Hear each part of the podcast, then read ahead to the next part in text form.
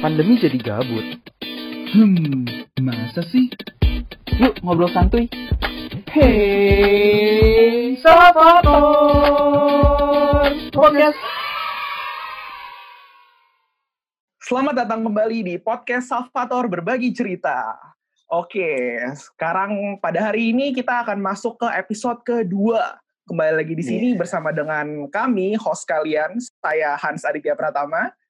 Dan saya Stefan Christian Leonardi. Ya, hari ini kita udah kedatangan narasa- narasumber uh, seorang mahasiswa kedokteran lagi ya Hans ya. Yo, ke Ini satu angkatan lah ya sama yang kemarin narasumber kemarin di Iya, episode benar. pertama ya. Sama-sama Salvator juga ya. Iya, angkatan 2016. Kalau dilihat dari CV-nya dia nih, Steph, termasuk salah satu mahasiswa yang super duper berprestasi juga nih, Steph. Wah sangat sangat sangat. CV-nya nih kalau bisa dibilang dibikin esai juga bisa ya, saking panjangnya ya ini. Waduh, Gar gitu ya. Nah, apa aja? ada bro? apa aja nih Prestasi, Hans? bro? Nah, oh ada di sini juara IMO nih. Lalu ada juga top 3 best poster konferensi nasional. Kemudian sempat jadi asisten dosen juga ya di Departemen Mikrobiologi. Terus juga ada banyak eh, atau beberapa publikasi artikel-artikel ya di jurnal hingga kancah internasional seperti itu. Tapi kalau lihat hari akademis doang sebenarnya juga ada non akademisnya nih. Tapi mungkin nanti kita sambil bahas sambil kita jalan aja kali ya Hans ya. Biar penontonnya juga ada penasaran nih. Kira-kira apa yang yang masih ditawarkan dari narasumber kita yang satu ini nih. Oke, selamat datang Fani Budiman. Halo. dulu mungkin. Wah, it's a pleasure, it's an honor. Sangat amat Halo, senang Fani. kita di sini ya. Heeh. Iya, gue juga senang. Lu deg-degan ya? Gak apa-apa, kita juga deg-degan ya sebenarnya. Iya. Di sini Ayo. hati ya, benar hati ya. Van, ayo kita cerita-cerita nih, Van, di sini, Van. Mm-mm. Uh, pertama, gue pengen coba nanya ke lu, Van. Uh, kenapa di awal-awal lu pengen menjadi seorang dokter, Van? Kenapa pilih masuk ke fakultas kedokteran, Van? Lulus SMA nih kan, oh ini bisa milih-milih. Kenapa kedokteran gitu? Iya. Jujurnya sih 50-50 sih. Maksudnya kayak, ya ada sih mau dokter. Tapi kan karena eh, bonyok gue kan dokter. Jadi kayak, ya adalah bisikan-bisikan gitu. Cuma sih sejujurnya, maksudnya gue nggak gue nggak yang kayak mungkin kemarin ce- eh, kayaknya sempat cerita kayak eh, biologi gitu kan. Kalau gue sih nggak nggak segitunya sih. Cuma eh, gue merasa eh, waktu maksudnya ada dorongan untuk eh, jadi dokter ya gue merasa gue bisa gitu. Jadi eh, ya gue pikir nggak tahu juga kan mau sekolah apa. Kalau dulu kan masih bingung banget kan. Eh, maksudnya ada lah mungkin yang udah jelas gitu mau jadi dokter. Tapi kalau gue sih masih yang fleksibel. Tapi akhirnya ya gue ngambil jadi dokter dan gue nggak menyesal sih. Hmm, Hmm. Oke, oke. Tadi Menarik, maksud dari menarik. 50-50 apa tuh, Van? Maksudnya? Hmm. Maksudnya sebelum sebenarnya lu nggak nggak gitu ada keinginan, tapi orang tua lu cukup mendorong gitu ya? Iya. Apakah ada Eh, pilihan lain gitu atau mungkin? Iya, 50-nya Gimana, mungkin ada kayak sebenarnya Ah. pengen uh, bisnis atau apa gitu, Van. Hmm. Oh, dulu sih sebenarnya nggak kepikiran bisnis, soalnya kayak ya ada kepikiran, tapi gue merasa kayak eh, nggak, gue kayak nggak bakat gitu loh di bisnis. Eh, jadi kayak dan gue merasa bisnis itu sesuatu yang bisa lu pelajarin sendiri eh, instead of kayak lu pergi sekolah gitu kan. Jadi kayak eh, akhirnya gue tuh dulu pengen ambil, gue tuh dulu nerd banget, jadi gue pengen ambil kayak health science gitu loh. Tapi kata Hmm, I see, I see. kalau health science kurang dihargai di Indonesia dan nyatanya ya ya kita nggak tahu ya maksudnya kalau sekarang tapi mungkin kalau pandangan orang tua sih masih gitu gitu Hmm, iya sih, bener. Memang kalau kita lihat ya, infrastruktur dari Indonesia sendiri mungkin belum seterbuka Hmm. itu ya bagi health science. Tapi berarti pilihan itu dulu antara FK sama health science atau ada jurusan lain nih yang ikut di dalam pilihan lu nih mungkin? Atau memang udah bidang kesehatan? hmm, kayaknya sih dulu lebih cenderung tetap kesehatan sih soalnya kayak eh, keluarga gue banyak bergerak di area kesehatan gitu jadi bisnisnya pun di area kesehatan gitu Oh, jadi oke, dulu oke, sih benar-benar. ya keren banget lah gue intinya Mantap, mantap, mantap. Nice, nice, nice. Terusan, uh, gue pengen coba nanya-nanya tentang kehidupan preklinik lu nih, Van. kalau dilihat dari uh, CV lu ya Van ya pas preklinik itu lu itu ngikut banyak banget panitia gitu. Panitia entah itu panitia ataupun organisasi gitu. Banyak banget aktivitas-aktivitas uh, mahasiswa kemahasiswaan yang lu ikutin gitu di awal-awal. Kepanitiaan dari skala kecil sampai gede deh pokoknya. Terus gue juga ngelihat uh, setelah kepanitiaan-kepanitiaan ini itu lu mulai mendalami masuk ke dalam dunia perlombaan Van sebenarnya apa sih yang memotivasi lu buat masuk ke dalam dunia perlombaan, Van? Kayak misalnya yang udah lu ikutin IMO, Simpik, ataupun yang lain-lain, Van. Karena uh, dari yang gua gambarkan ya, uh, menurut gua tipikal mahasiswa itu ada dua kelompok. Satu yang aktif banget panit, sama satu yang aktif banget lomba gitu. Dan hmm, Fanny Budiman ini salah satu mahasiswa yang cukup luar ada biasa dua-duanya gitu, aktif. Ya, iya Iya, hmm. aktif di dua-duanya dan berprestasi gitu di dua-duanya. Sekeren itu loh. Maksudnya uh, apa sih yang memotivasi lu buat masuk ke dunia perlombaan dan bahkan ujung-ujungnya akhirnya lu berprestasi juga gitu bisa di dunia perlombaan. Motivasi awalnya apa, Ban?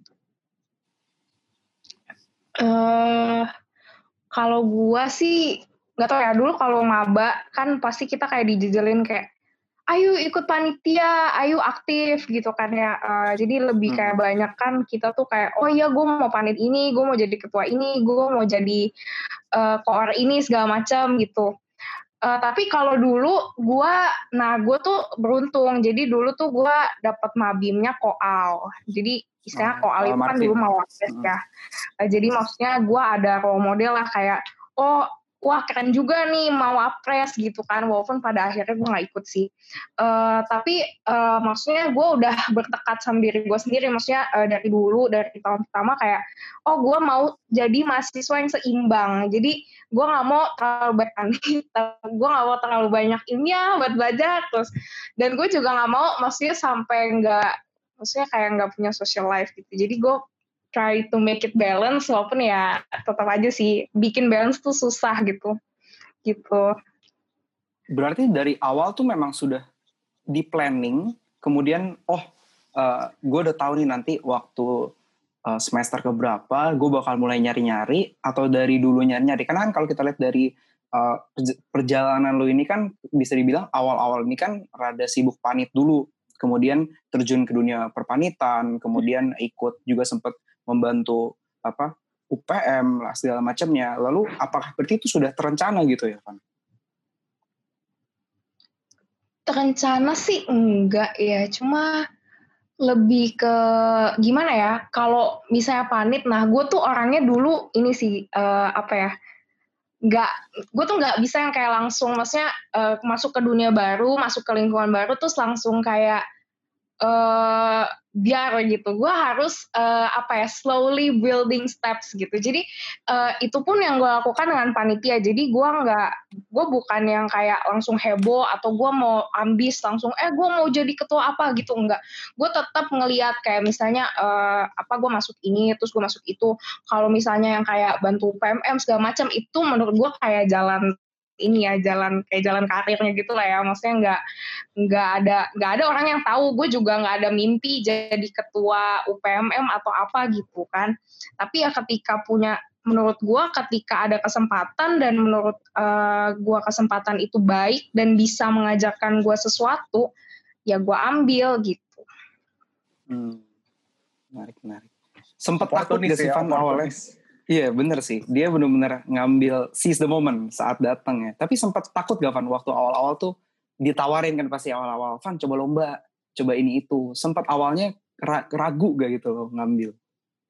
Hmm, pastilah, maksudnya apalagi gak tau ya kalau buat gua masa-masa maba itu paling apa ya? Gue nggak bisa bilang nggak enak ya karena menurut gue masa-masa maba itu masa lu cari teman terus kayak lu masih kosong. Kalau misalnya pun ada panitia juga nggak banyak tanggung jawab jadi lu masih bisa main-main. Tapi uh, takut sih ada takut ada tapi gue selalu berusaha untuk push gitu. Karena menurut gue kayak kalau lu takut terus lu jadi yang ngelakuin uh, maksudnya ya contoh lah ya oprek.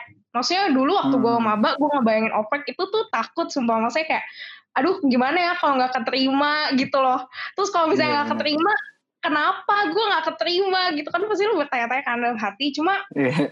eh, ya menurut gue eh, setelah gue melewati dan gue melihat ke saat gue maba maksudnya gue bangga gitu. Maksudnya lu masih bisa mau coba gitu loh dengan segala ya gue sih dulu minder banget ya jadi orang bahkan untuk dulu untuk tahun pertama masuk senat pun gue tuh minder gitu gue nggak daftar senat gue daftarnya amsa waktu tahun Oh, pertama Iya, iya, iya. Oke, oke, oke. gitu Oke, menarik, menarik banget.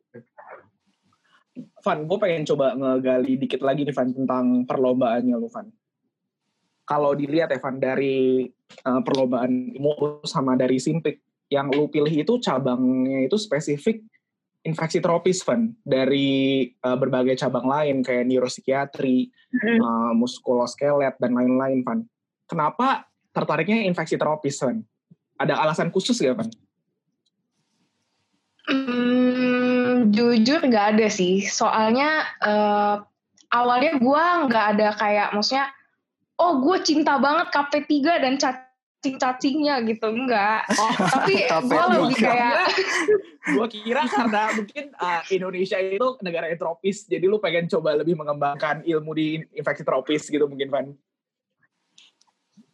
oh enggak, enggak. Gue lebih tepatnya tuh ke eh, masuk infeksi tropis karena eh, waktu itu ini sih. Jadi gue tuh bukan anak olimpiade. Jadi dulu pun gue maksudnya adalah disuruh olimpiade tapi gue nggak istilahnya nggak menekuni itu serius. Karena menurut gue waktu dulu SMA OSN itu soalnya tuh susah yang kayak menurut gue nggak nggak ada gunanya gue bisa ngerjain itu gitu. Nggak ada gunanya buat masa depan gue gitu. Jadi gue bukan anak olimpiade intinya gitu kan. Tapi waktu waktu itu ditawarin sama Sherly gue inget banget ditawarin sama Sherly eh mau nggak Van? Ini cabangnya kosong loh. Maksudnya nggak ada yang mau lah istilahnya gitu kan. Eh, terus lu mau cobain nggak? Eh, seleksi. Ya udahlah gue cobain gue cobain. Terus gue partner kan sama Gev dulu.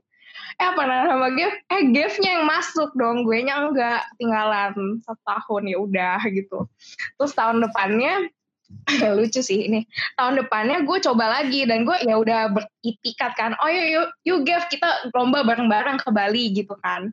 Terus pas lomba eh maksudnya pas seleksi eh malah dia yang ketinggalan gue yang maju. Jadi kayak gantian gitu loh tahunnya lucu sih itu. Gitu jadi eh, pilih infeksi tropis sih karena by chance juga sih sebenarnya. Gitu. Oh, Jadi bukan yes. karena Hmm. uh, ada ketertarikan dengan bidangnya khusus atau ya, gimana iya. iya iya benar ya. ada balik lagi ya tadi Hans berarti ada kesempatan kemudian eh, lu juga push limit lu lalu lu ambil momen itu gitu iya. Keren, Dan akhirnya berprestasi juara satu loh gold medalist. iya gold juara Gitu. satu IMO ya atau International Medical Olympiad correct me if I wrong if I'm wrong ya udah gitu cabangnya infeksi tropis pada tahun 2019 gila itu waktu itu di story-nya tuh rame banget ya Hans ya. story Instagram tuh muka Fani muncul muncul muncul muncul muncul Wah, wah keren banget bener-bener. kebanggaan Seru tersendiri ya buat buat Atma Jaya ya menurut menurut gue sendiri Iya, gue juga nggak nyangka sih. Cuma ya, ya kalau diinget-inget lucu sih. Maksudnya banyak banget cerita Imo yang menurut gue eh inilah ber apa ya berkesan lah buat gue. Maksudnya selain dapat medali, menurut gue itu bukan itu bukan apa ya itu bukan yang utama malah menurut gue journey-nya yang gue masih inget gitu sampai sekarang Hmm. gitu. benar benar benar bekal banyak yang lu bawa gitu ya Mm-mm. Medali pernah itu di- bo- bonus. Iya, Iya, medali itu bonus bener-bener. Setuju. lebih ke prosesnya ya. Ah, Oke, Mm-mm. gue pernah lihat nih Van di IG lu. Lu kan cerita tentang Simpik nih. Bahkan waktu itu sampai di post sama Instagram Simpiknya ya, kalau nggak salah ya. Nah, Malu keren banget, kaget ya, kaget. Terus maksudnya, eh, lu kan pernah mencoba Simpik juga. Lalu, apakah lu ada concern yang lebih tentang Simpik yang mungkin pengen lu sharingin gitu ke para-para pendengar kita gitu? Simpik ya. Simpik Hmm. sih menurut gua salah satu event internasional yang sangat bagus. Eh, Bener-bener bagus. Maksudnya bahkan gua eh, menyarankan, maksudnya orang tuh ikut bukan cuma lu bukan cuma lu mau menang atau lu mau uh, enjoy acaranya tapi actually learn from the event itself gitu kayak how they manage gitu terus mereka juga tampilin oh ya panitianya tuh ini ini ini loh dan menurut gua panitianya tuh sedikit sumpah itu kayak panitia tuh di bawah 40 orang tapi bisa bikin acara bagus itu gua super amazed super respect sama mereka gitu. Gitu sih jadi uh, kenapa? Panitianya nggak banyak ya? Gue maksudnya gue kira tuh panitianya nyampe lihat sih 60 70 orang tapi 40 bisa membuat acara seperti itu ya. Wah Mm-mm. ada keren banget, keren banget. Hal-hal unik yang bisa lu coba share gak? Mungkin untuk pendengar-pendengar kita yang akan jadi panit-panit perlombaan gitu, biar punya kayak tips and trick buat bikin perlombaan yang baik, tapi panitnya itu dikit dan optimal gitu, Van. Yang lu belajar dari Simpik gitu, Van. Hmm. Uh, gue kurang tahu ya maksudnya uh, soal FK di sana, tapi gue rasa nggak banyak banget uh, event di sana ya. Jadi mungkin itu event satu, terus mungkin ada event yang lain pun nggak banyak, atau mungkin mereka ternyata banyak banget mahasiswa kedokterannya sehingga bisa bikin kayak maksudnya uh, satu man mahasiswa stick to one event gitu. Kalau menurut gue di Atma hmm. itu kayak kebanyakan banget mahasiswa dan satu orang doesn't stick to one event kayak hmm.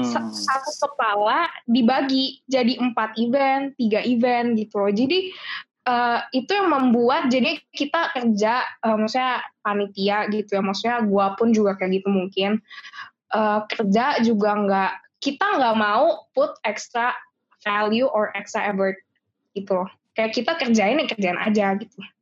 Oh, gue hmm. kerja ya udah gitu udah selesai. Hmm. gitu sedangkan mereka menurut gua super effort sih. Maksudnya uh, benar-benar gue bisa lihat mereka put extra effort bahkan kayak pembukaannya terus jalan-jalannya. Mereka tuh host ba gede banget. Acaranya satu tim itu empat orang.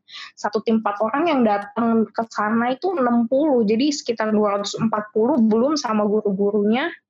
Terus mereka harus danain juga. Harus danain juga dan gue tahu pasti cari dananya nggak gampang gitu. Ya, dan ya mungkin mereka internasional ada, juga ya. Iya uh, gue gue bingung sih menceritakan segalanya karena lu ke sana lu akan merasakan itu mungkin salah satu event lomba terbaik di dunia. Gue nggak tahu gue mungkin nggak pernah ketemu yang lain ya yang interest sebagus itu gitu.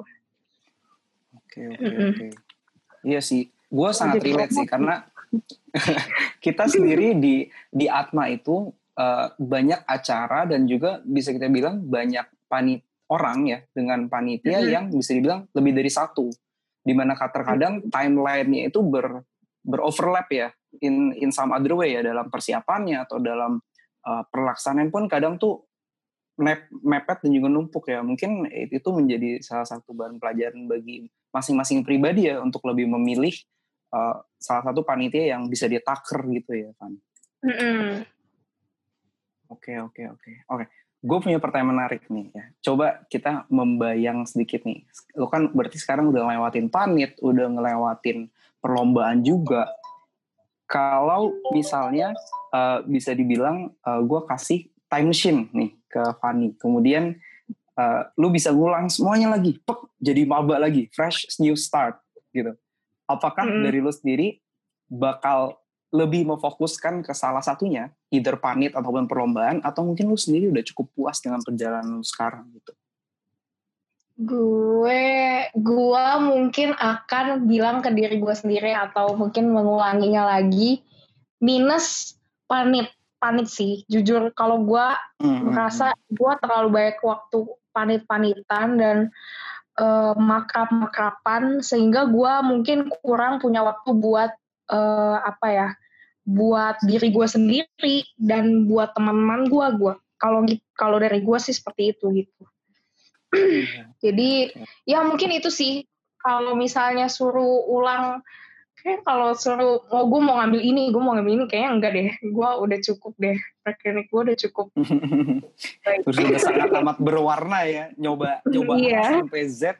Panitnya juga iya. berbeda-beda kan Van so gue tidak hmm. hanya maksudnya mungkin uh, bagi pendengar yang belum tahu, Fani ini sedikit mempunyai spesialisasinya nih ke publikasi dan dokumentasi ya, kayak mungkin lebih ke video video-video gitu, arts gitu. Fani lebih di sana. Mhm. Tapi Fanny juga sempat di berbagai panit ya, Van. Acara juga pernah ya, Van, sampai boleh diceritain Van mungkin dari Oh, banyak panit gitu pernah, yang lu pernah. dapetin. Ah. Gue cuma pernah acara sama Pupdok sih, kayaknya sisanya nggak pernah deh. Uh, soalnya Hmm, kurang oke, oke, dapet finesse-nya di, di di seksi lain gitu. Oke oke. Nah, mungkin kita coba lanjut nih ke kita fast forward lagi sekarang berarti ke cerita sekarang yang lu udah kita merupakan mahasiswa koas yang pak- dipaksa untuk dirumahkan ya. Jadi Hmm. kita nggak bisa ke rumah sakit. Nah, dan lu sendiri kan sudah membangun kopi kano itu udah dari sebelum koas ya Van berarti ya? Oh, kopi karena tuh dari kapan ya? Dari tahun 2018 bahkan ngomonginnya maksudnya. Planningnya, planningnya. Oh. Iya, start planningnya. Oke, Jadi oke. harusnya tuh harusnya eh, dia tuh buka April ini. Cuma kan udah gue corona. Oke oke. Iya, Nah, per- per- pertanyaan gue nih. Kemudian kan kopi sewaktu ini buat pendengar yang belum tahu itu timbul. Bisa dicek ya Instagramnya di kedai.sewaktu ya. Nah, lalu eh, kemudian First itu juga muncul lagi gitu. Nah, kalau menurut gue itu itu sudah masuk karena entrepreneurship ya. Kalau menurut gue pribadi ya. Nah, sebenarnya definisi entrepreneurship itu menurut seorang Fanny Budiman tuh kayak gimana sih? Entrepreneurship. Menurut gue eh, ada bedanya ya bisnis sama dagang ya. Mungkin itu lebih gampang ya. Kalau misalnya bisnis itu lu membuat apa ya istilahnya sesuatu, entah jasa atau barang, lu give added value, terus lu jual. Dan lu misalnya bisa kasih brand lu sendiri atau segala macam. Tapi kalau misalnya dagang kita istilahnya cuma oh ya ada barang jadi kita tinggal jual gitu ya dengan margin sekian gitu ya. Menurut gua entrepreneurship itu lebih ke condong ke arah bisnis gitu. Jadi eh, kita membuat platform atau kita membuat eh, apa pun lah yang eh, ditambahkan value dan ditambahkan branding seperti itu, terus kita jual. Itu sih menurut gua entrepreneurship. Hmm, iya sih. Sangat amat tercermin juga sih dari brand yang lu create.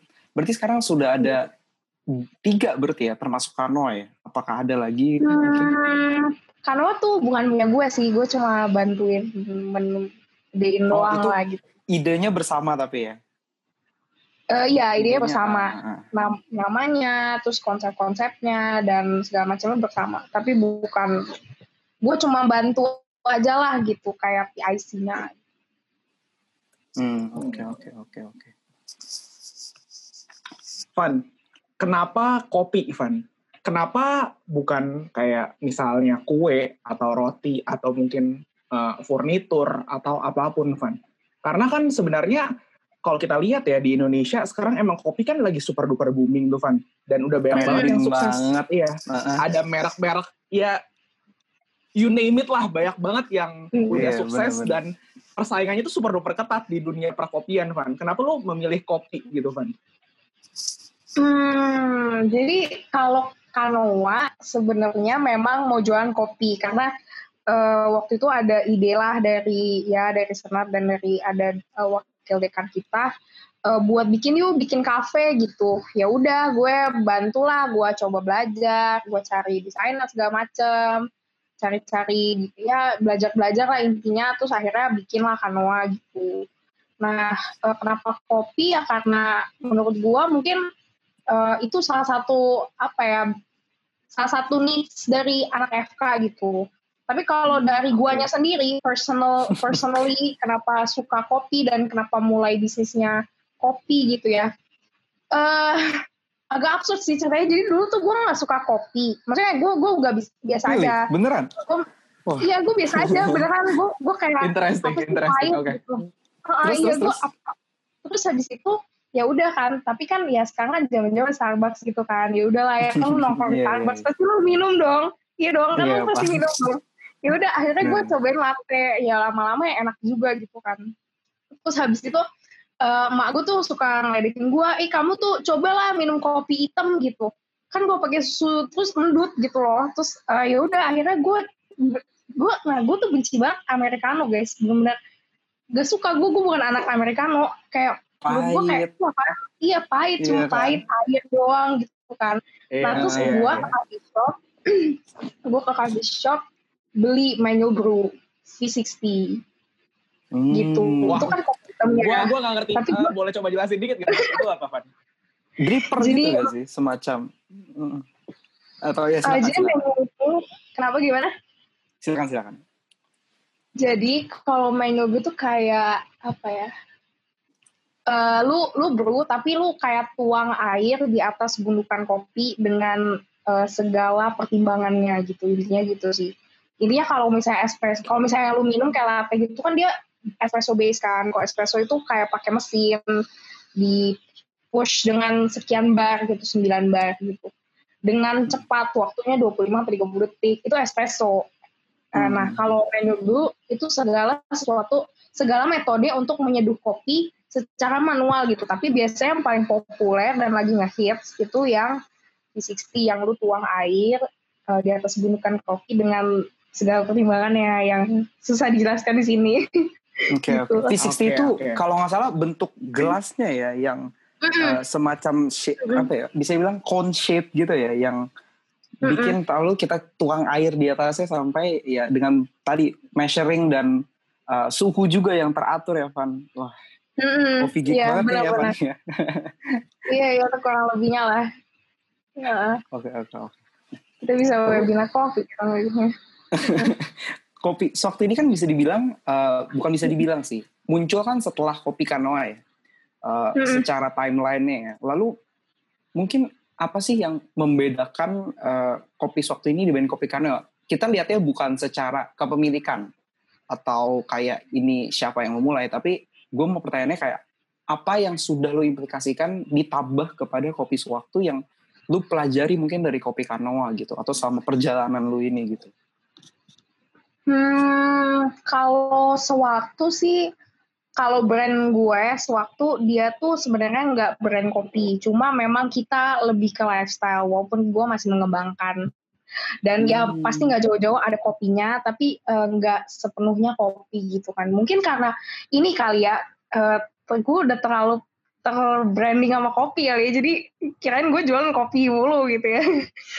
gitu. Eh, kalau Kanoa, dia tuh eh, lebih ke nah kalau gini kalau beda secara konsep kalau Kanoa itu dia lebih eh, target marketnya jelas anak atma yang usia sekian sekian sekian gitu. Jadi lebih ke anak muda. Jadi kita akan bikin minuman itu yang eh, modern dan ya aneh-aneh jadi ngikutin yang di luar sana yang bisa Hmm. ditweak segala macam eh, apa resepnya gitu.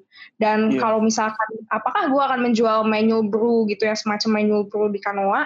Mungkin aja cuma kita masih lihat pasar lah. Gitu sih. Tapi kalau misalnya eh, sewaktu dia lebih ke kalau gua dari gua sendiri itu ber- terinspirasi dari makanan masa kecil gua. Jadi nggak menunya nggak akan aneh-aneh yang kayak apa sih namanya sekarang kan banyak banget ya yang kayak Ada iya ada ada milk tea apa boba gitu ya Iya benar-benar grass jelly apa pun itu ya Hmm. banyak sih sekarang. Cizu, cizu, cizu. iya cheese cheese tea. gitu. Ya benar. Ah. ya. iya itu Berarti- nggak akan ada eh, Kopi Gimana? kan nih menunya ada, iya benar sih yang tadi bilang beverages yang memang dikhususkan untuk eh, targetnya adalah anak atma ya. Makanya ini muncul kayak pumpkin spice latte ya, seasonal ya kalau nggak salah. Mhm. Gitu. hmm, seasonal recipe. masih ada tuh. Mm-mm. Terus kopi susu gula aren yang eh, memulai semuanya gitu. Berarti there's more to come dong buat eh, kopi sewaktu ini ya. Sekarang kan kalau salah baru yang eh, bisa dibilang original ya sama yang Mm-mm. uh, si macho kalau nggak salah eh, ya extra shot seperti itu ya Iya iya itu masih ini sih, gue masih ngerombak banget sih soalnya eh, apa ya? Kalau menurut gue R&D untuk sebuah menu itu luar biasa sih, capek gitu. bener-bener bener. Harus Iya, uh, uh, mikirin banyak banget hal ya berarti ya kita Iya, benar-benar uh. harus pantengin terus nih kayaknya banyak hal menarik yang bakal keluar nih dari kopi sewaktu nih ya iya nih aduh Yoi. semoga ya. Hmm. Gue uh, penasaran, Van. Uh, kapan, eh di titik apa lu tertarik dengan dunia entrepreneur, Van? Apakah Hmm. saat Bener. uh, kopi kanoa, eh, tim kopi kanoa ini terbentuk, terus tuh tiba-tiba tertarik, terus akhirnya lu kayak, oh oke, gua bakal bikin kopi sewaktu buat pribadi diri gue bisnis pribadi diri gue sendiri atau udah dari lama nih sebelum kopi kanoa terwujud lu itu emang udah pengen nih gue pengen bikin kopi nih buat uh, bisnis diri gue sendiri gitu kan di titik apa lu decide buat uh, gue pengen masuk ke dunia entrepreneur gitu kan Hmm, menarik nih pertanyaannya nih. Ini mungkin gue gimana ya? Jadi gue itu secara tidak sadar, gue juga baru nyadar gitu kalau ternyata gue ini hidup di lingkungan, di lingkungan maksudnya di mana uh, keluarga gue itu adalah uh, sedikit banget persentasenya yang jadi pegawai kantoran, maksudnya kerja sama orang gitu. Jadi gue uh, kalau lu tanya kapan sih uh, gue mau maksudnya gue mau jadi punya bisnis gitu. Itu jujur-jujur udah dari kecil. Lucu ya, maksudnya dari SMP mungkin probably ya mungkin kalau SD mungkin gue masih bego gitu tapi kalau kalau SMP kan udah mulai bisa mikir gitu ya gue mau jadi apa gitu kan mau sekolah apa gitu itu udah maksudnya walaupun gue uh, menggeluti profesi dokter gue tahu uh, pada akhirnya gue akan tetap punya bisnis gimana pun caranya hmm. dan apa pun bisnisnya gitu. Jadi kalau hmm. misalnya ditanya uh, kapan mulainya, ya un untuk kopi mungkin ada titik terang pas gue ditawarin, lu mau nggak coba bantuin bikin kafe? Nah itu mungkin titik terang gue yang kayak uh, gue lagi pengen, misalnya gue pengen bikin kafe mikir gitu, eh tiba-tiba ada yang nawarin, itu mungkin salah satu jalan gitu ya bisa ada sewaktu itu mungkin ada ada jasa kanoa gitu tanpa ada kanoa tanpa gue belajar membangun kanoa gue nggak akan punya sewaktu gitu hmm, hmm. jadi jiwa oh, dagangnya itu sebenarnya dari kecil udah ada tuh ya, ya. iya lucu iya. iya. Zaman dulu mungkin kalau jadi anak kecil kita nggak tahu sih temen gue ada yang jualan makanan bahkan jualan oh, iya? magnet-magnet dulu jualan tajos oh. apa pun itulah itu itu udah ada di dalam Fani dan kemudian Kano membantu merealisasi itu. Lalu setelah oh nih gue bisa nih. Nah berarti bisa bilang itu triggernya ya Van. Di mana lu jadi mm-hmm. uh, lebih pede lebih berani juga ya karena sudah dilakukan seperti itu ya. Wah, keren keren iya karena kayak sih, apa sih batu pijakan lah gitu. Maksudnya gue hmm, dulu juga yes, yes. ada yang nanya gue ngapain sih ngambilin kan maksudnya ngapain sih ngambil bantuin kafe orang kan nggak ada duitnya kan duitnya nggak masuk ke gue. Ya bener juga sih cuma uh, gue ngambil itu sebagai bahan belajar. Jadi kalaupun hmm, ya kalaupun hmm. gagal atau apa ya kan ya ya jangan sampai jangan sampai ya gitu. Hmm. and and you're happy with it kan Don? Maksudnya lu lu bahagia di dalam prosesnya gitu kan kan seneng sih senang walaupun ya jujur aja karena Kano ini kan apa ya istilahnya entrepreneurship iya, tapi ada student entrepreneurship juga, ada hmm. ada banyak yang harus di assemble gitu ya. Banyak yes. layer yang harus diatur dan masih berantakan, tapi gue sih senang sih jalanin ya, maksudnya nggak no pressure lah gitu. Oh, nice, nice, nice. Oke. Okay. Oke. Okay. Tadi kita udah bahas tentang kopi nih, Van. Sekarang kopi, kopi yang... gue pengen coba masuk ke Matchiverse, Van. Matchiverse itu kan uh, yang lu lu salah satu penemunya kan Evan ya, salah satu foundernya gitu ya Evan ya, bareng teman-teman kan atau gimana Evan? Iya kan Evan? Iya, jadi uh, itu awalnya tuh awalnya uh, jadi Ivan, Ivan kan jago ya. Mungkin uh, bisa cerita Betul. sedikit ke pendengar-pendengar podcast Matchiverse itu apa sih gitu Van? Oh iya iya, Matchiverse itu platform jadi kita bikin komunitas platform untuk belajar nulis. Jadi belajar nulis apa? Jadi nulisnya tuh nulis nulis ilmiah kayak uh, review literatur review systematic review case report mungkin yang akan berjalan gitu. Jadi kita mungkin lebih kayak mengayomi uh, area kedokteran di sana. Di mana di tempat lain kan kita lebih seringnya kayak dengerin apa ya webinar yang sifatnya oh membahas sebuah penyakit gitu ya dan ya jujur aja gue kan koas ya jadi maksudnya belum bisa lah membahas itu belum capable jadi uh, kita coba bikin platform yang kita udah bisa lebih menguasai itu nulis gitu hmm. menarik sih benar-benar menarik banget karena emang gue juga melihat Oke, okay, maksudnya webinar kan benar-benar lagi booming pakai banget nih sekarang. Akhir-akhir ini ya waktu iya, uh, benar -benar. karena pandemi gini kan. Dan uh, kita juga melihat bahwa wadah untuk uh, melatih diri mengenai dunia per artikelan ini itu dikit banget dan Matchiverse itu datang gitu kayak kembali lagi ke mungkin ke filosofinya Fanny ya kayak uh, ada kesempatan di situ diambil gitu kayak seize the moment itu benar-benar Iya. uh, ada Iya gitu sih. di Matchiverse. Iya ya. Oh iya. Iya. Di mana-mana orang story-nya tuh isinya tuh uh, konsensus ini, uh, terus tata laksana penyakit ini, cara asik menangani ini. Ini tuh systematic review, clinical trial. Bener-bener beda banget dari semua story-story yang kita lihat di teman-teman kita gitu loh, di semua Iya. IG yang lagi ramai gitu. Bener-bener. Ad- Iya. ah, mungkin ada cerita cerita khusus gak Van? Maksudnya alasan-alasan kenapa lu pengen membangun komunitas dalam dunia pembuatan artikelan ini gak sih Van?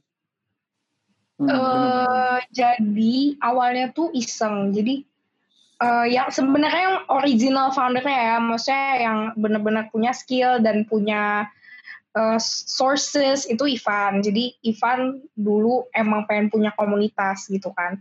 Pengen punya apa ya istilahnya di mana oh awalnya tuh dia gini, dia mau punya tim nulis gitu. Jadi nulis bareng terus nanti bisa publikasi bareng segala macam gitu kan.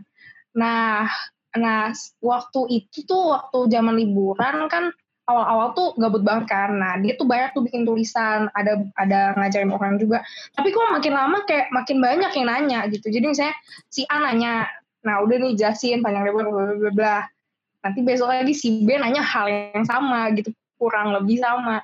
Nah, jadinya gimana ya kayak capek gua Chat gitu satu. intinya. Chat 2, chat 3, sama lagi isinya ya.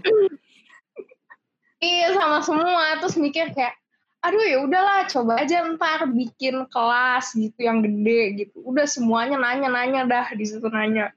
Terus udah bikin. Ya udah bikin dong kelas pertama. Tapi maksudnya kita dulu juga ya udah bikin bikin aja nggak ada nggak ada cita-cita ke mana-mana gitu. Waktu mulai udah rada rame kelas kedua ini kelas ini baru mau kelas ketiga. Ini bahkan baru mau kelas ketiga tapi akhirnya kita udah bisa mulai punya apa ya visi lah ke depannya gitu. Hmm, Gitu oke. sih. Uh, itu interesting point Van tentang visi. Gue pengen nanya tuh Van. Visi dari Matchiverse, maksudnya oke end game deh mungkin. End game dari Matchiverse itu apa? Apakah mungkin mau go internasional gitu ataukah mungkin 20 tahun lagi kalian bisa punya database jurnal sendiri atau Wow. uh, Uh. atau apa Van gitu Van kayak Sejauh mana gitu ya? Ah. iya lu pengen lu pengen ngapain sih sama Matchiverse gitu kayak jauh ke depannya Kalau kayaknya database dulu kayak agak impossible deh. Cuma mungkin lebih ke kayak agak impossible. Cuma lebih ke ini sih, eh, kita mau sediain platform maksudnya eh, ketika belajar patofisiologi, belajar diagnosis, kita udah punya tuh osmosis, armando hasudungan, Hmm, segala yes. macamnya gitu ya. Entah yang berbayar ataupun gratis. Eh nah di sini ya kita mau bikin yang kayak gitu. Eh, platform untuk belajar nulis entah berbayar atau gratis. Eh yang mengajarkan tentang apa sih cara cara lu buat penelitian cara lu nulis gitu. Karena gue merasa juga nggak tahu sih kalau skripsi itu kan hal yang susah ya. Maksudnya nggak semua dosen pembimbing pun bisa memfasilitasi juga gitu kan ya. Maksudnya ya ada yang terkait kesibukan segala macam dan kita mau bantuin di, di area itu gitu. Dan khusus maksudnya spesifik banget. Jadi udah mau bantuin tulisan bagian tulisan dan mungkin fokusnya lebih ke kedokteran saja gitu gue nggak tahu kalau mungkin akan berkembang menjadi bidang lain tapi ya ke situ sih fokusnya eh, visinya jadi bikin platform aja sih gue nggak mau bikin database jurnal pusing ngurusinnya Iya benar. Oke. Berarti benar benar-benar uh, masih open juga ya sebenarnya buat uh, yang lain-lain tidak hanya tertutup ke sini saja ya. Jadi Mm-mm. memang tadi lu juga bilang awalnya karena uh, mungkin ada temen lu tadi yang menjadi salah satu yang bantu juga bikin dia yang punya berarti tidak tertutup kalau misalnya ada orang-orang baru yang masuk dengan skill set tertentu yang dia bawa itu bisa lu bawain ke Matchiverse berarti. Hmm, bisa bisa banget. Justru kita kayak ya kalau misalkan memang platform kita berkembang dan butuh orang, pasti kita tarik orang dong. Nggak mungkin ngurusin bertiga doang gitu kan. Gitu. Cuma ya kita lihat. Oke oke. Eh, Oke, gue pertanyaan lagi nih. Eh, kalau misalnya kita berarti membayangkan, eh, lu membayangkan diri lu eh, 10 sampai 20 tahun lagi gitu. Eh, berarti eh, pertanyaan gue itu titik akhir dari karir lu di luar dari kedokteran itu apa? Maksudnya eh, mungkin kalau secara kedokteran mungkin eh, lu punya views lain yang nanti bisa diceritain juga di sini. Tapi kalau di luar dari yang klinis kedokteran itu harapan lu gimana? Hmm, 10-20. Mungkin Hmm. pastinya punya bisnis sih. Cuma eh gue tuh pengen punya health center dulu. Tapi sekarang Health mungkin center. udah agak Wow. ya udah agak menurun-menurun gitu ya. Kok harga tanah mahal gitu ya. Tapi masih punya mimpi iya masih punya mimpi itu untuk punya health center. Lu- Lucu sih dulu kayak gue mikir eh menjadi dokter kayak harus praktek harus praktek tiap hari lagi. Sedangkan gue kan ya gue bangun pagi aja susah gitu kan ya. Jadi eh gue tetap pengen punya bisnis. Dan bisnis di kesehatan apa yang paling gampang kan ya? Health center gitu. Hmm, Amin. mungkin. Amin amin. amin, amin, amin, amin. Amin. Amin amin. Health center itu nggak tahu sih. Menurut gua konsepnya itu eh, keren karena nggak tahu. Ini gua sempet nonton juga di film kalau nggak salah film Habibie Ainun ya. Jadi si Ainun itu kan cerita kan eh, dokter kan ya, dan dia itu bilang Hmm, dia itu punya impian pengen ngebuat klinik tapi si kliniknya itu orang-orang yang sehat gitu. Kalau misalnya Hmm. orang-orang sakit kan ke rumah sakit gitu. Konsep dari health Hmm. center itu adalah orang-orang sehat datang buat uh, kayak misalnya follow up check up kayak misalnya ibu-ibu hamil misalnya ANC, anak-anak imunisasi dan maksudnya itu kayak feel-nya itu kayak happy gitu di sana, nggak nggak muruk Hmm. sakit gitu. Mm-mm, Hmm. Jadi kayak health center menurut gua keren keren banget sih Van. Tapi uh, health center, oke, lu pengen membuat health center gitu. Tapi apakah itu sekaligus lu praktek spesialis gitu misalnya di rumah sakit atau health center doang gitu kan sama bisnis lu? eh nah itu kayak gue masih abu-abu deh tapi kalau bisa punya ah, maksudnya gimana ya gue juga gue tuh bener-bener guys gak ada bayangan kayak bakal praktek di mana spesialis apa itu itu kita semua mesti abu-abu gak sih kayak apalagi lagi kelas gini Iya. lagi kayak Ya, re- Benar-benar. relatable banget sih. Apalagi kita belum Hmm. belum belum kelarin semua siklus kelas kan, belum mengalami Iya. gitu. Jalanin baru online ya. Ya bisa dibilang mungkin belum merepresentasikan full experience-nya juga sih ya. Jadi masih exploring Mm-mm. juga ya, Van. Oke, oke. Mm-mm. Berarti selain itu kan tadi health center.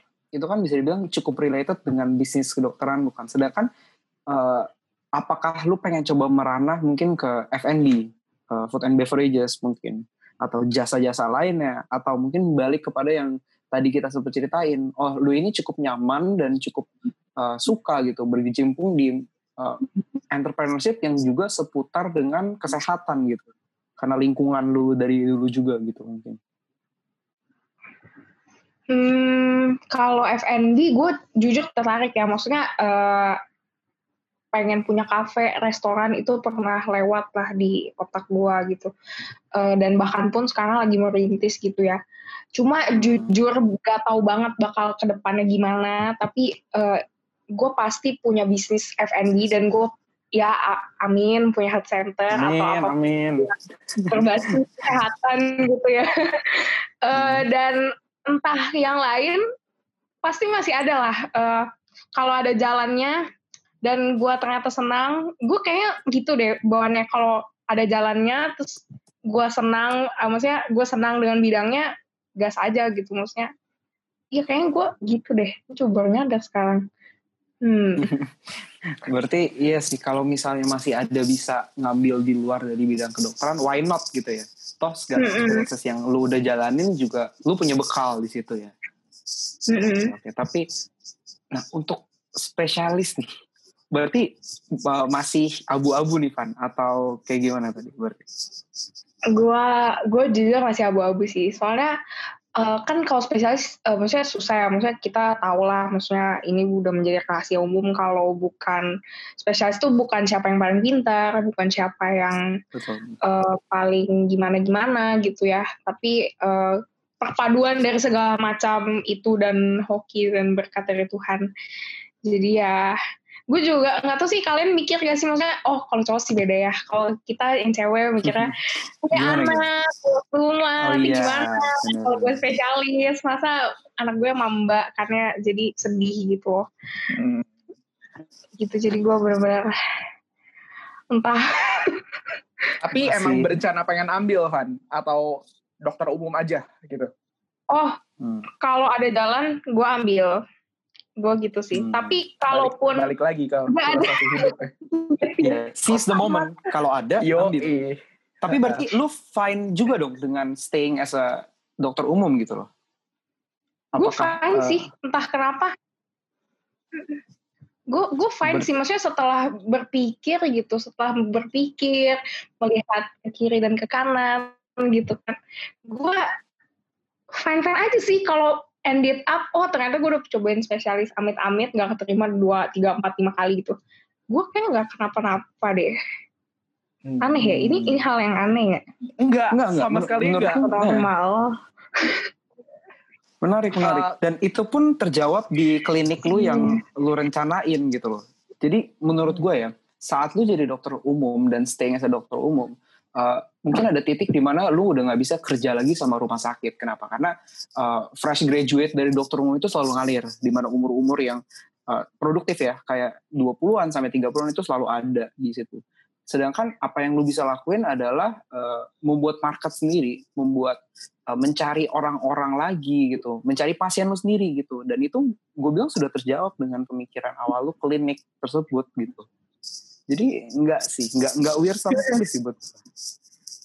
Mungkin Iya, uh, iya. pemikiran yang mbak yang uh, tidak mainstream kalau bisa gue bilang. Iya. Tapi Oh. well thought dan well planned itu bisa bisa berjalan dengan sangat baik ya. hmm. Kalau spesialis Van, pengennya ambil di luar negeri atau di dalam Hmm. negeri Van? Gimana tuh kan? Hmm, gue pengen dalam negeri. Gue pengen dalam negeri. Soalnya gue mau di Indonesia. Cuma eh, kemarin tuh sempat dengerin ini loh, apa si dokter siapa sih yang dari US? Nah itu tuh, itu katanya slot internetnya banyak tuh di US. Sempat kepikiran iya, juga. iya, Terus gue iya. nanya bokap gue. ada Oh, webinar itu ya? heeh. Iya, webinar online tentang dokter yang di Amerika ya kalau nggak salah ya. Ah, benar benar benar. Hmm. Oh, bokap lu di Mm, mm, spesialis di luar negeri atau di dalam negeri, Van? oh bokap gue dua-duanya dokter umum. Banyak dokter umum Oh, semua. I see. Oh, Mm-mm. dan pathway-nya itu sama yang tadi gitu. Apakah eh, membuat suatu klinik sendiri atau kerja di suatu rumah sakit itu ternyata juga suatu hal yang visible gitu. Eh, kalau gue bonyok gue kan kebetulan apa aja juga jadi wah gila gue udah Oh. kayak membangun Wow. ya jadi eh, mereka bi- habis lulus ya dokter bikin apa ya bikin kayak apotek gitu di di Cilegon di gue jadi gue bukan orang Jakarta gue orang Cilegon nah terus udah mereka akhirnya nggak spesialis karena udah ada bisnis kan yang mungkin Jadi kayak gitu ya Hmm. Oh, Oke oke oke. Dan harapan lu berarti nggak jauh-jauh dari situ juga maksudnya membuat eh, suatu Uh-uh, kalau gue sih, eh, kalau gue mungkin lebih kayak ngambil spesialis itu jujur, maksudnya bapak emak gue itu kan gak spesialis ya, dan menurut gue se- Hmm, hmm. sekolah spesialis itu adalah sesuatu privilege yang harus lu hormati dan harus lu nggak boleh lu sia-siakan dan gak semua orang bisa jadi spesialis karena tuntutan spesialis itu berat gitu. Jadi eh, ya kalau gue ada jalan spesialis ya gue ambil gitu. Tapi kalau nggak ada juga nggak apa-apa. Tapi doesn't mean gue mau jadi kayak bonyok gue enggak gitu. Gue Hmm, punya ngerti ngerti ngerti. lebih naif kali ya. Gue lebih norak dan naif gitu. Hmm. bener sih. Yang yang pasti kalau saat kita uh, reach the higher point which is yang kita ngomongin adalah spesialis pasti lebih banyak opportunities juga yang terbuka ya. Yang bisa lo Hmm. ambil juga gitu Ya, itu pasti sih. menarik menarik Mm, mm, mm. Kalau S2, Evan mungkin ah, tertarik gak? Mm, S2. spesialis sekarang lagi cukup gue- ngetren Apa? iya Iya, S2, S2, tertarik sih tertarik sih gue kalau S2 soalnya S2 nggak sesuai itu ya terus kayak Nah, kemarin iya. kan sempat koasnya terus gue mikir kayak ah, apa gue ambil S2 dulu ya baru koas gitu. cuti M- Biomed, S2 Van. Iya, jadi gue kok gue S2 dulu 2 tahun melewati kos-kos yang tidak mendapatkan pasien ini. Terus gue koas. Iya kan? Iya, iya benar-benar. Koas APD, ada- koas APD lengkap ya. Iya, wey, udah panas, gak dapet pasien, gak dapet ilmu. Oke, oke. Fun. Eh, lu punya kira-kira tips and trick gak, Van, yang bisa lu sharingin ke teman-teman pendengar podcast kita yang eh tentang gimana sih caranya lu bisa ketemuin hal-hal yang lu suka, yang lu lakukan dengan senang, dan bisa nge-improve diri lu.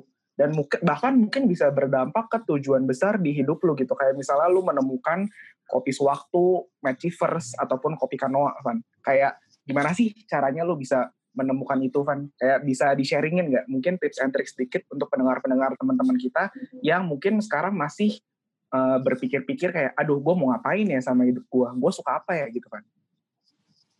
Hmm, kalau tips and trick sih gue lebih ke cobain hal baru gitu. Karena eh, menurut gue masa muda itu dipakai buat cobain hal baru dan untuk belajar hal-hal yang kita pikir kita nggak bisa gitu. Karena gue tuh suka gemes gitu sama orang kalau misalnya eh, kayak disuruh ini gitu. Misalnya misalnya disuruh ngedit apa gitu contohnya.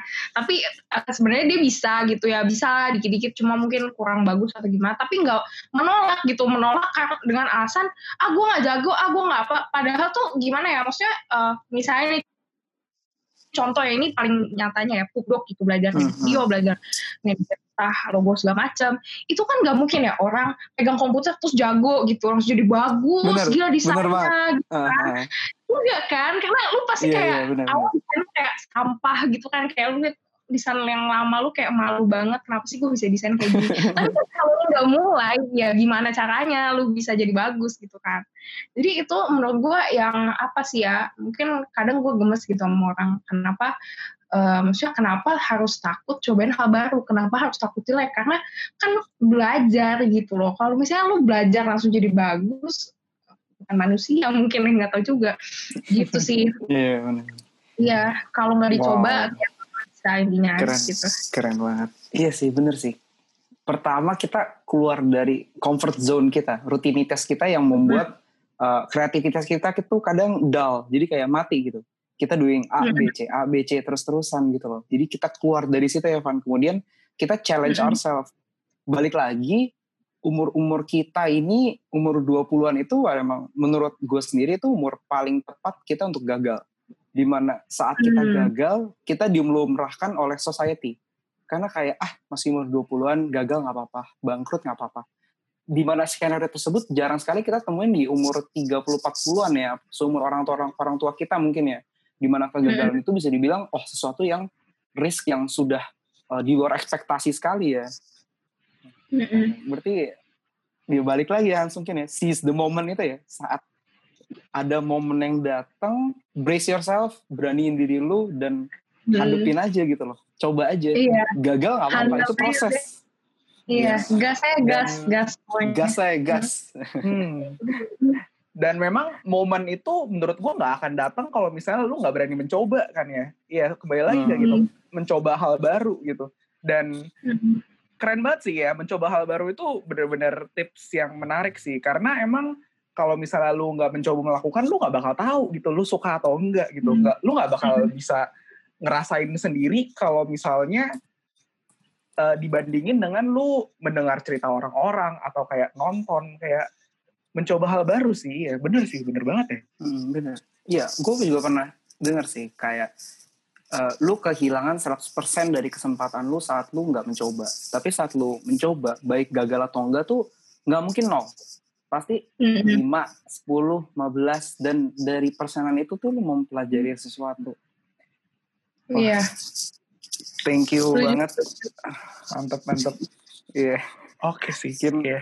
eh, iya sih, sebenarnya dari awal, eh, mungkin gue sedikit rekap ya. Jadi dari awal nih, Fanny dengan segala panitianya dan perlombaannya, mungkin yang ditekankan Fanny di sini adalah balance, di mana kita ya sebagai manusia juga harus eh, mengeksplor banyak hal gitu loh, tanpa suatu ketakutan dalam diri kita. Kita keluar dari comfort zone kita lagi, balik lagi. Eh, kemudian saat ada momennya, saat ada penawaran itu, lu harus siap dan mensiapkan diri lu juga gitu loh. Wah, ya itu sih. Eh, thank you banget, eh, Hani Budiman. Thanks for sharing segala ilmu ya Hans. Iya, gokil, Thank you gokil. Thank you banget, Van. A very insightful conversation, nih, Van. Mm-mm. Oke, eh, baik. Eh, mungkin akhir kata, eh, terima kasih telah mendengarkan cerita kami yang kedua ini ya Hans ya. Eh, lalu Yoi. semoga yang baik dapat jadikan bekal buat teman-teman pendengar, yang buruk dapat disisihkan, dan mohon maaf juga bila ada salah kata yang terucap dari kami. Eh, saya Stefan Christian Leonardi. Dan saya Hans Aditya Pratama. Sampai jumpa di cerita selanjutnya. Pandemi jadi gabut. Hmm, masa sih? Yuk ngobrol santuy. Hey, Salvator Podcast